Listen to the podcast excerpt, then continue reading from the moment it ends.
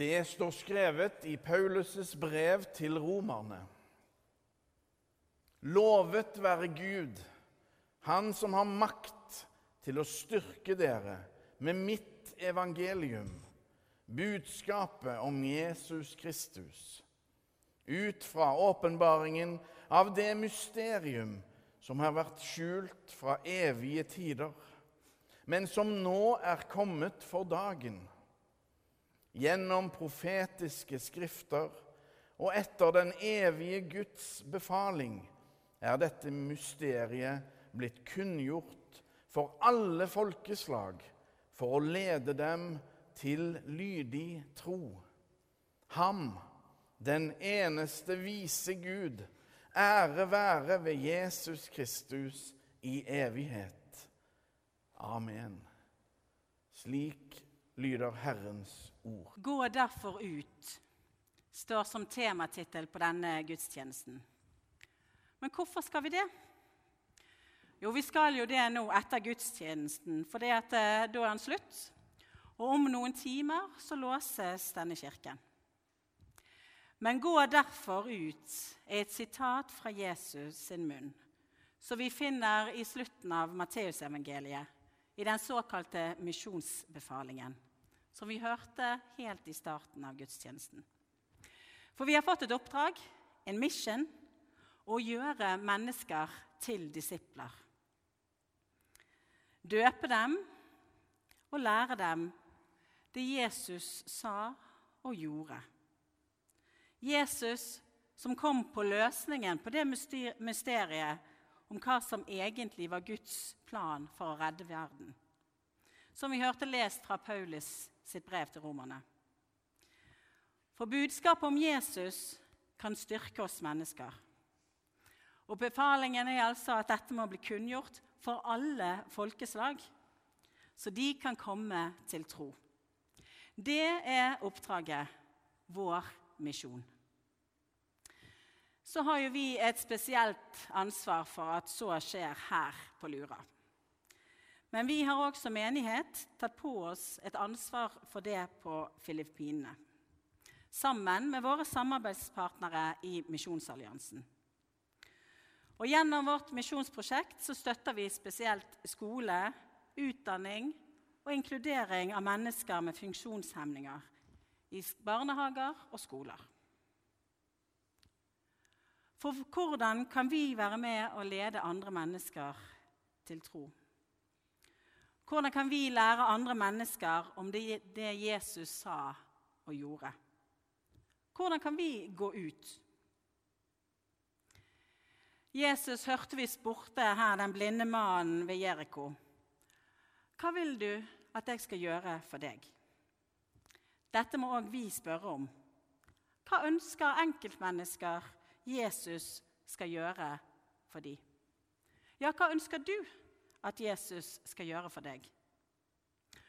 Og Noen ganger så er det sånn at vi undersøker med grupper av mennesker hva de ønsker de i livet av Jesus, før vi kanskje begynner å snakke med den enkelte.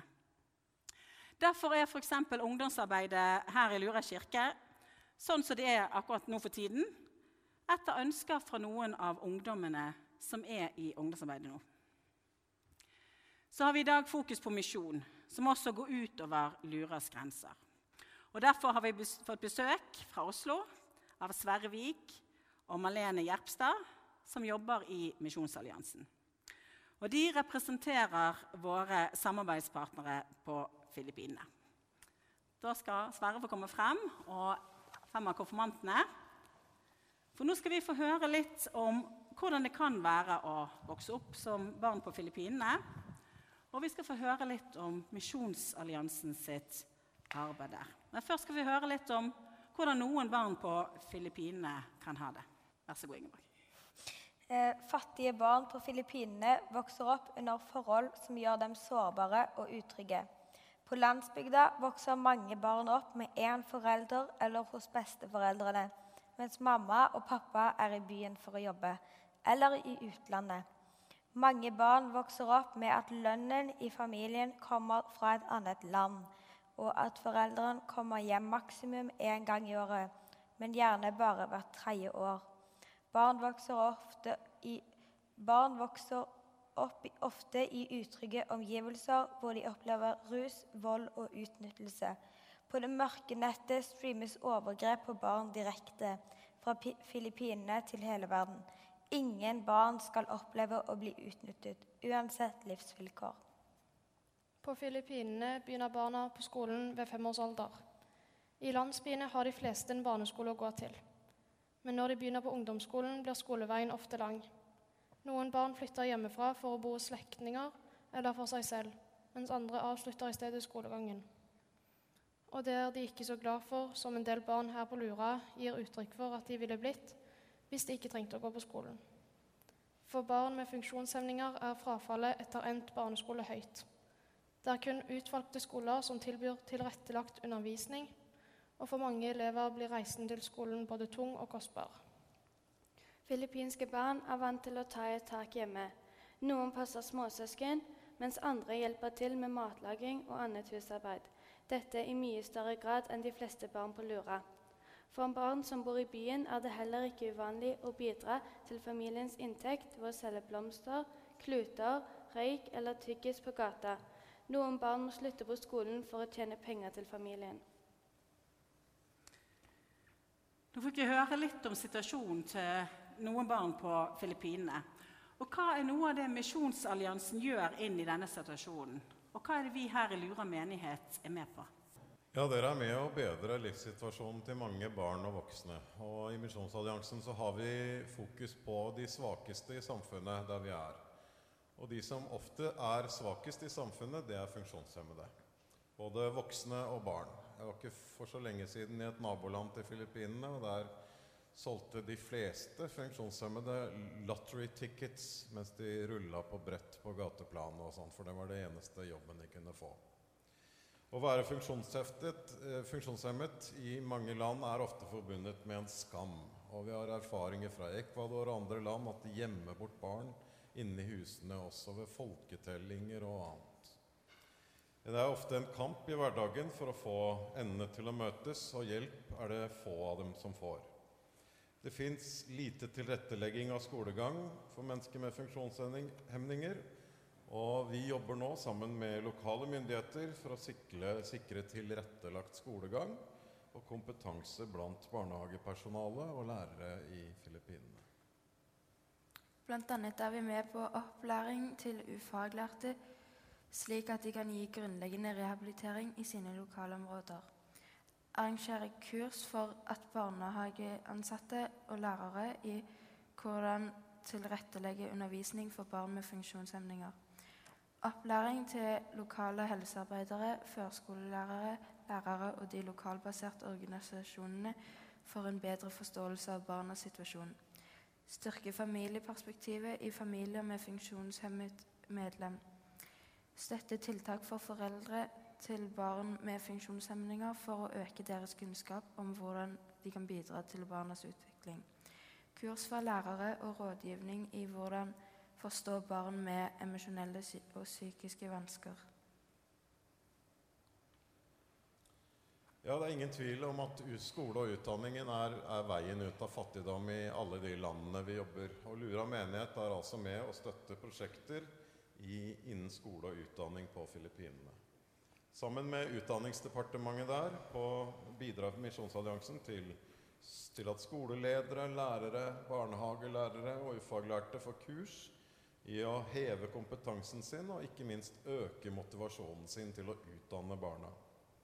Misjonsalliansen støtter førskolegrupper direkte og bidrar til at barn som ennå ikke har begynt på skolen, skal få mulighet til å delta i pedagogiske opplegg og utvikle sine sosiale, motoriske og kognitive ferdigheter før skolegang. For kravene er forholdsvis høye når de først begynner. Vi bidrar også til bygging av barnehage og klasserom, og nytt læringsmateriell og nødvendig utstyr. Blant annet er vi med på kurs og verdi- og holdningsskapende arbeid blant lærere og førskolelærere og for foreldre og ungdom. Arbeidsopplæring til ungdom som har droppet ut av skole. Utdanne og mobilisere lokalsamfunn i barns rettigheter og behov for beskyttelse. Kurs for lærere og førskolelærere om kreativ undervisning. Opprettelse av virtuelle ressurssenter. bygging og oppgradering av klasserom. Dette, folkens, er måter vi kan gå ut på. Måter så vi kan være med og lede andre mennesker inn i troens landskap. Og det landskapet som vi i Lura menighet hele dette skoleåret sjøl vandrer i. Spesielt i våre temagudstjenester. Vi kan lære andre om det Jesus sa og gjorde, med selv å gjøre det. Være med på å gjøre deler av det som Jesus gjorde. Handlinger taler mer enn tusen ord, heter det. Ved å være med på å gi praktisk hjelp til barn og unge på Filippinene, med eller uten funksjonshemminger, viser vi noe av Jesu sinnelag. Og det er ofte sånn at Mennesker som opplever å få hjelp, lurer på hvorfor er det at noen gjør dette. Hvorfor gidder noen å bry seg? Og da er det en god mulighet for å fortelle om Jesus. Om den verdien han ga alle mennesker han møtte, og det menneskeverdet som Jesus gir oss alle.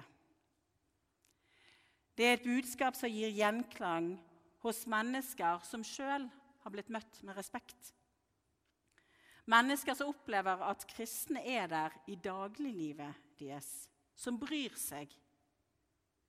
Slik Jesus òg gjorde da han gikk ut, rundt, han gikk ut i det som eh, i dag kalles Israel. Han hjalp mennesker med funksjonshemminger. Han ga mennesker mat, og han ga håp. Troen var i håp. Men uten mat, håp om en fremtid og uten en opplevelse av at en har en verdi som menneske, er det vanskelig å tro. Jesus så hele mennesket. Han viste at tro handler om dagliglivet. Og På den ene rollen ute i gangen så er det en oversikt over temagudstjenestene denne våren. Og nederst der står det Hva er sammenhengen mellom tro, gudstjeneste og liv? Vi kommer hit til gudstjenesten i vårt ukentlige liv. Vi får næring til troen i gudstjenesten og i fellesskapet. Og her serveres næring til livet. Og vi utfordres på livet vårt. Gå derfor ut. Ære være Faderen og Sønnen og Den hellige ånd, som var, er og være skal, en sann Gud fra evighet og til evighet.